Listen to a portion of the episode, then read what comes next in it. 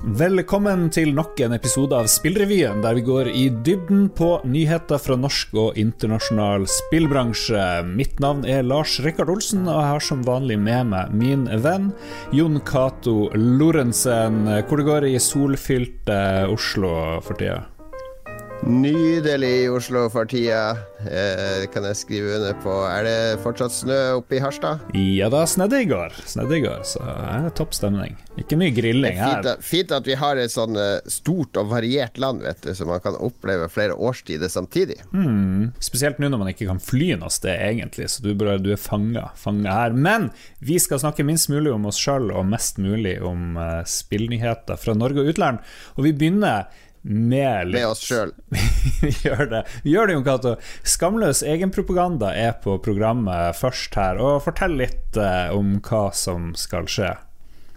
Ja, det har seg sånn uh, at uh, Spillrevyen og Viken Filmsenter har inngått et samarbeid om å lage en serie på fem spesialpodkaster som skal belyse koronaen sin effekt på norsk spillbransje. Det betyr at jeg og du skal intervjue ulike norske spillutviklere om hvordan korona har påvirka hverdagen deres, hvilke utfordringer pandemien har skapt, og hvordan de har tilpassa seg den nye hverdagen der konferanser er avlyst, hjemmekontor, vanskeligere å få oppdrag osv. Ja, ja. Og fem episoder.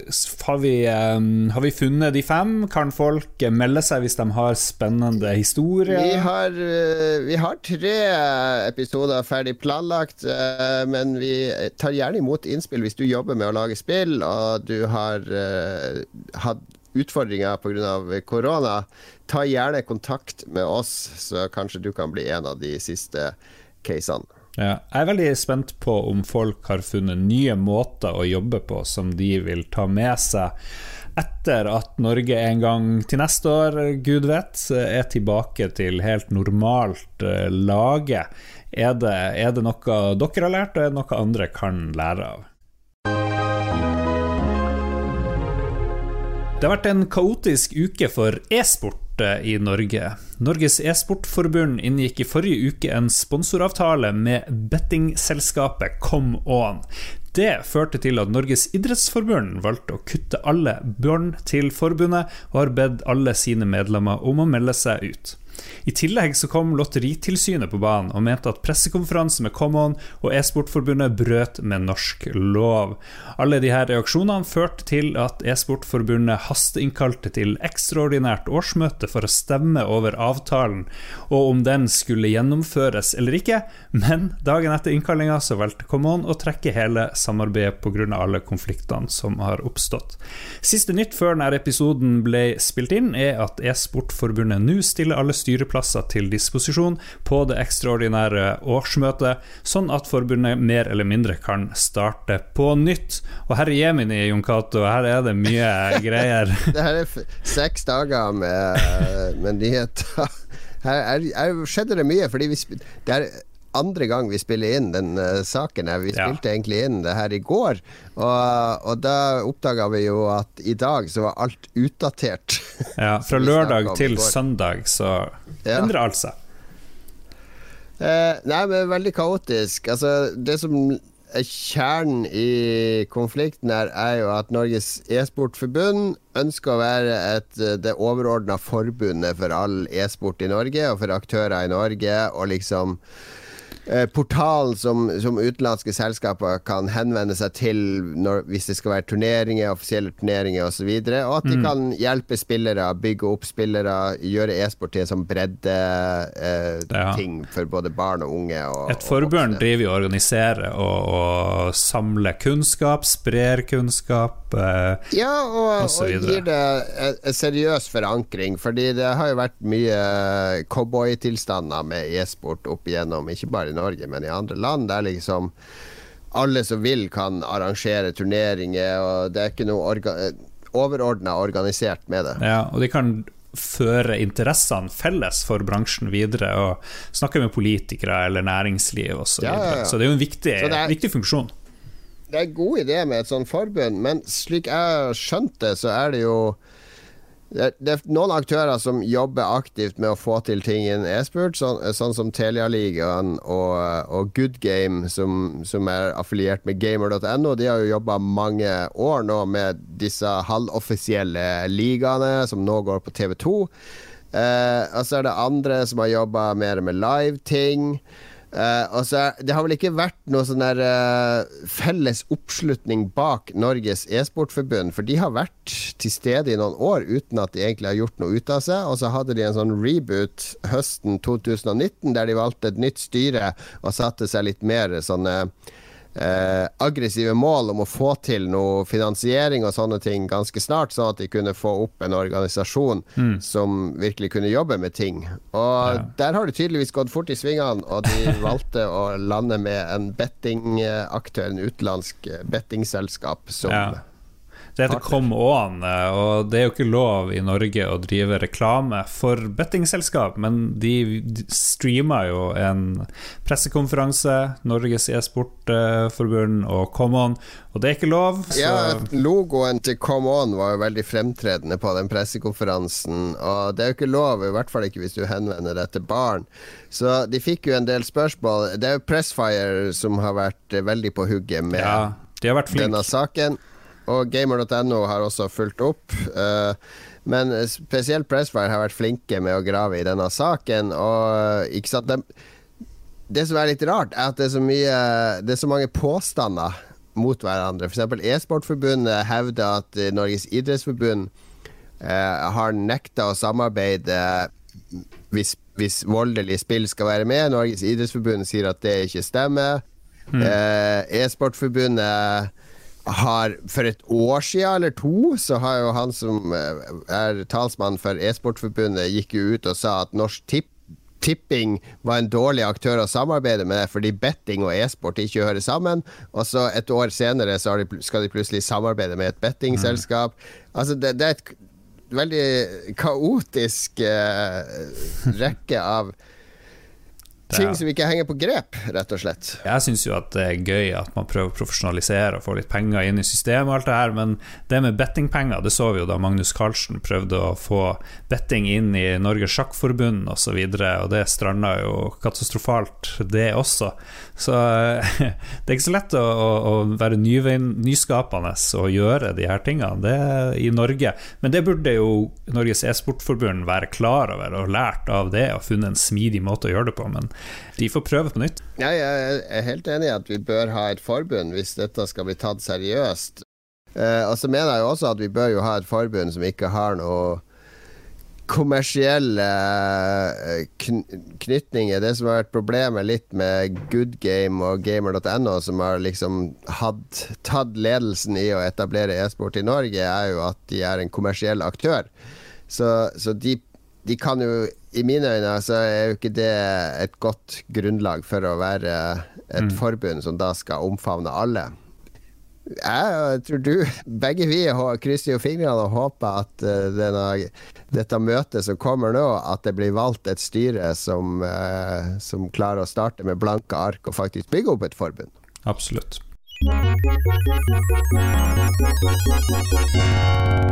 Microsoft har gitt verden en forsmak på hva som er i vente fra den nye Xbox-maskinen som kommer før jul. I et eh, direktesendt show i forrige uke ble vi servert en lapskaus av skytevåpen, biler, sport og action fra en haug spill som vi er vel ganske enige der, Jon Cato, bare glei mer og mer inn i mm. hverandre, og jeg klarte ikke helt å følge med etter hvert. 27 eh, minutter langt show ble det, og mange fans har uttrykt misnøye med at det stort sett ble levert filmsekvenser som viste veldig lite gameplay og hva vi, hva vi kan forvente oss eh, som spillere. Den eh, offisielle YouTube-videoen med showet har flere tomler ned enn tomler opp. Vi har jo spoila wow. hva vi syns. Eh, vi streama jo det hele med, med den andre podkasten vår, Lolbua. Du drev og kommenterte, og vi snakka vel om mye annet egentlig enn det som skjedde på skjermen. Ja, jeg, eh, jeg, så, jeg, så, på med et halvt øye, for det var jo en sånn kavalkade av filmatiske trailere av barske actionfigurer og, eh, og skyting og og det som vi liksom er blitt litt sånn vant til å se på etere, men det føltes som det var litt sånn tynt innholdsmessig. Det var ingen spill du egentlig ble ordentlig kjent med. Ble, mm. Det var bare sånn friste. Friste Fristevisninger. Ja. ja. Og det som kan være gøy i noen konsollgenerasjoner, det er jo at oi, plutselig ser vi noe som ikke var mulig tidligere. Vi er kanskje forbi det der eh, stadiet. Nå er det liksom at ting ser litt finere ja. ut. Jeg tror både Altså, jeg blir mer imponert av et originalt visuelt uttrykk. Det er veldig mange indiespill som går for helt sånne særegne visuelle uttrykk. Og da legger jeg merke til det. Da sperrer jeg øynene opp og bare wow, for en fantastisk artist som har, som har klart mm. å, å, sette dette uh, kunstneriske preget på spillet. Mens når alt bare ser litt sånn realistisk og, og, glossy og glinsende ut Det var veldig mye glinsing i det vi så. Alt var liksom sånn der uh, plastic fantastic, uh, 4K, HDR, uh, raytracing, whatever. Ikke noe visuell egenart i mye av det du så. Bortsett fra det var jo noe sånn HR Giger-inspirert halverotisk eh, skrekk inni der, som ja. var det jeg la mest merke til. Ja. Jeg likte noe som het uh, The Medium, et uh, slags etterforsknings-paranormalt uh, horrorspill. Det syns jeg så litt spennende ut, men det var jo ingen gameplay, da, som vi har nevnt, stort sett. Men er vi, er vi, vi høres litt bortskjemt og storforlangende ut. Er både jeg og du og fansen litt der? Vi er nok det, og vi lever jo i en tid der vi er totalt bortskjemt når det gjelder spill, fordi det kommer så mye bra og originale og spennende spill hele tida. At, uh, at, vi forventer masse av spillene. Og jeg tror kanskje vi forventer litt mer originalitet enn konsollplattformene er klar til å vise nå. Det er litt sånn toegga sverd, fordi den vanlige strategien når du lanserer en ny konsoll, eller i hvert fall når PlayStation og Xbox gjør det, er at uh, det første året eller til lansering så må du jo ha klart alle disse gamertitlene. Det skal være action, det skal være uh, skytespill, det skal være bilspill, det skal være sportsspill. Du skal dekke det der primalbehovet, hvis vi kan kalle det det, til gamere. Og så i bølge to, et år etter lansering, så skal bredden komme. Og da er det på tide å dra fram disse litt mer quirky, originale, søte, innovative opplevelsene som har særpreg og, og, skiller seg litt ut. Ja. Jeg tenker at eh, mange av de fordelene som både Xbox, den nye Xbox og nye PlayStation har, er ikke noe du kan vise i spill. Det er lastetider, hvor fort ting går. Det skal være mulig å sette ja. spillet på pause og hoppe til et nytt spill bare på noen få sekunder og sånne ting. Og det, ja, det, det tror jeg er viktigere ja, for meg, egentlig. Ja, de de skyter seg litt i foten der når de skal markedsføre det over eh, Altså sende en 720P-video av spill hvis største fortrinn på den konsollen er at du kan spille det i 4K, 120 frames i sekundet med rate-racing og HDR. Ingenting av det klarer du egentlig å, å få formidla via en sånn strøm. Ja. Sammen med alle disse andre tingene som raskere innlastingstid og, og funksjonalitet i operativsystemet som ligger i bakgrunnen, så, som skal gjøre spilleopplevelsene bedre. Ja. Så, så du, det er mer av det samme som vi har sett nå. Litt mer glossy og shiny og uh, ja. Folk blir kanskje ikke imponert, men vi får nå se når det nærmer seg. De skal jo ha sånne månedlige show, har jeg skjønt eh, kopiert Nintendo sin Nintendo Direct approach. Og de skal vise litt sånn nye ting hver måned og fokusere på ulike ting. Og så vidt jeg har skjønt, så er det julishowet. Der skal Microsoft fokusere på sine egne titler. Så det er vel ja. da det kommer Halo og, og disse store ja. interne spillene, Halo og Forza, som, de, som er flaggskiptitlene deres. Ja. Nei, det her var jo tredjeparts, det var ikke Microsoft sine egne spill. Nasjonalmuseet har delt flere verker fra museet i spillet Animal Crossing New Horizon. I en uh, sak på Nasjonalmuseets hjemmeside deler de QR-koder som du kan skanne inn hvis du har lyst til å henge opp bilde av Munch, Kittelsen, Gude Tidemann og mange flere i ditt Animal Crossing-hus. Og eh, du er jo den store Animal Crossing-fan av oss. Har du hengt opp noe norsk eh, nasjonalromantikk eh, der? Jeg har ikke skanna det ennå, men jeg syns det var en fantastisk artig, kreativ, morsomt påfunn fra Nasjonalmuseet. Jeg heter Ellisiv Brattfjord, og jeg er kommunikasjonsrådgiver i Nasjonalmuseet. Jeg jobber mye med nettsider og sosiale medier, og også nå Animal Crossing, som er nytt for oss. Og bakgrunnen for dette var jo at vi befinner oss i en tid hvor vi fortsatt ønsker å by på opplevelser med kunst, arkitektur og design i en periode hvor fysiske tilbud har vært stengt. Og siden Nasjonalmuseet er hele Norges museum og har ambisjoner om å nå ut til alle, også digitalt for dem som ikke kan besøke oss fysisk, så har det digitale tilbudet vært veldig viktig i denne perioden. Eh, vi har bl.a. hatt digitale utstillinger, videoformidling av kunst fra vår hjemmekontor i sosiale medier. Og vi har lansert en ny digital samling på nett, hvor alle kan lage sine egne samlinger, inspirert av Pinterest. Mm. Eh, og så har vi eh, så klart eh, blitt en del av Animal Crossing-universet. um, og det skjedde jo fordi noen av oss uh, spilte det selv og så at uh, det ble lansert en mulighet for å samle på kunst og bruke kunst i spillet. Og vi ønsker jo i Nasjonalmuseet å være relevante og reflektere samfunnet og tida vi lever i, og også være der folk er. Og når vi da så at mange spilte Animal Crossing i en periode som vi har vært inne i nå, så syns vi det var fint å eh, også kunne være en del av det. Også kunne være et sted hvor folk faktisk fortsatt kunne møtes. Mm. For det er jo et veldig sånn positivt, kreativt og sosialt spill. Og så syns vi at det er en fin og ny, en ny måte å kommunisere kunstsamlinga på. Da, og forsøke å nå ut til nye målgrupper. Mm, så vi fikk masse, fått masse positiv respons på det fra Ja, for det lurte jeg på. Hva, hva sier folk? Ja. Nei, de sier jo også sånn Yes, noen har skjønt at uh, spill også er kultur. uh, og at det er, en, det er, en, fin måte altså det er, det er, det som er digital formidling. Da. Det er jo veldig mange kulturaktører som eh, snakker mye om å jobbe med liksom, hvordan skal vi nå ut digitalt. Eh, så var jo det her en måte som vi så at det funka veldig bra for oss å gjøre det på. da. Ja. En gledelig nyhet for dem som har syntes det har vært gøy å spille Animal Crossing med Kunst- og Nasjonalmuseet så langt, er at vi eh, har tenkt til å åpne hele den digitale samlinga på nett for bruk i spillet. For nå har vi jo foreløpig bare hatt eh, noen utvalgte eldre kjente verk. Mens vi ønsker jo da å åpne opp hele samlinga. Oi, hvor mye kunst er det snakk om? Da er det snakk om ca. 44 000 objekter og kunstverk. eh, og hele samlinga er jo 400 000 objekter, så det er jo bare en del av den. Men det er jo mye av det aller mest kjente og kjære, da.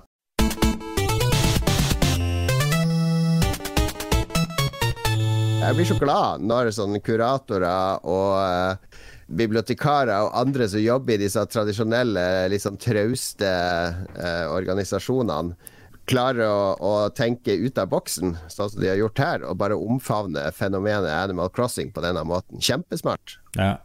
Hvordan kan uh, de som driver med seriøs kunst, uh, omfavne og, og, utnytte seg av uh, det som fins av, av, bra spillkunst? For det fins jo veldig mye bra, mye bra tegninger, mye bra musikk, det fins design Det fins jo veldig mye som, som er kjempebra i spill.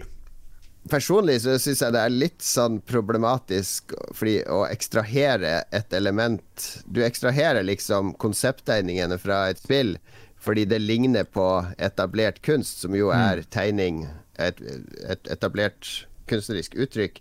Altså Spillene i seg sjøl er jo det kunstneriske uttrykket, så du kan jo du kan dra ut elementer av de selvfølgelig og analysere de og stille de ut, men det er likevel ikke da tar du fokuset bort fra det spilleopplevelsen skal være. Ja. Altså det å løpe rundt i Selda Breath of the Wild og utforske og få den forbindelsen mellom deg som spiller og den spillverden, det er det som er den kunstneriske opplevelsen.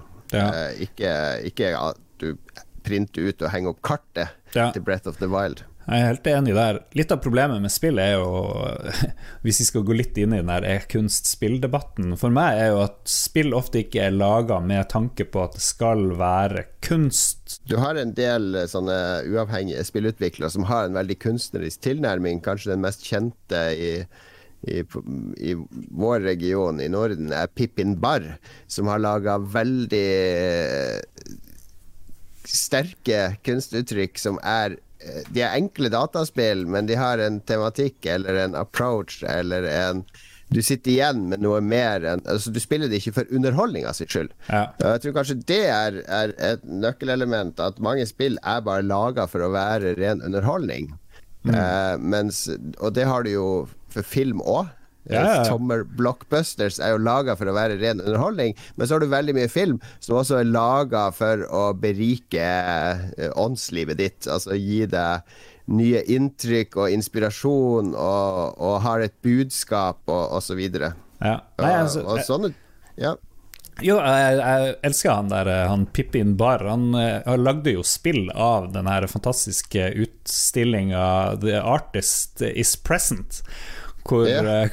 hvor, han gjorde det om til sånn gammel LucasArts eh, Sierra-grafikk hvor du går inn i et museum. Hele spillet går ut på å stå i kø for å ja. vente og, for å få sitte ned med artisten, som jo var den utstillinga til hun eh, Maria Jeg husker ikke hva hun heter. Hun heter Marina Abramovic, som hadde den utstillinga ja. på Museum of Modern Art i New York. Og sant, eh, I spillet så må du vente til museet åpner, det kan hende det ikke er åpent.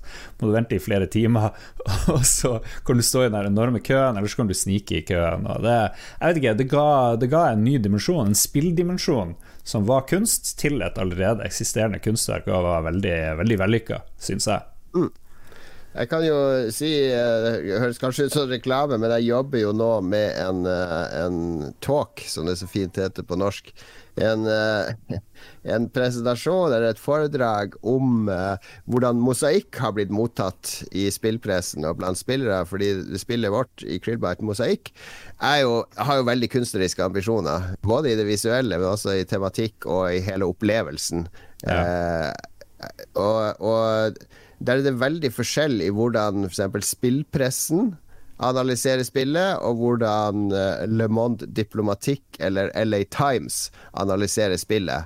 Altså Det er veldig forskjellig tilnærming om det er en kulturjournalist eller kulturkritiker som anmelder spillet, enn en spillkritiker. Så jeg driver uh, faktisk nå og jobber med et foredrag om akkurat det som case, og der jeg ser litt på hvorfor det er sånn. Så, så, det foredraget kommer til å gå på Nordic Game sin digitale konferanse i slutten av mai, men det, det koster nok penger for å få lov å se det.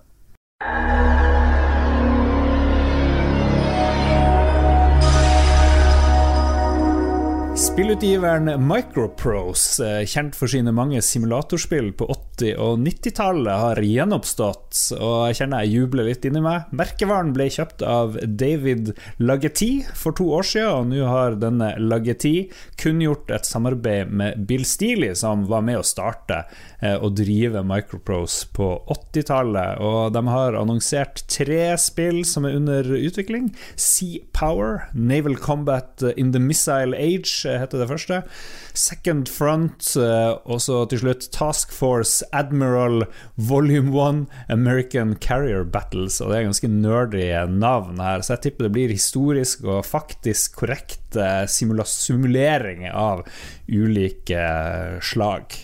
Ja, det er jo en artig blast from the past når jeg googla eller så saken og så den gamle Microprose-logoen der liksom Micro er med sånne horisontale streker og pros. Så det, det sparka jo Det, det rykka litt i nostalgimuskelen. Og der vet jeg jo at du har jo en mye større nostalgimuskel enn meg, Lars. Ja.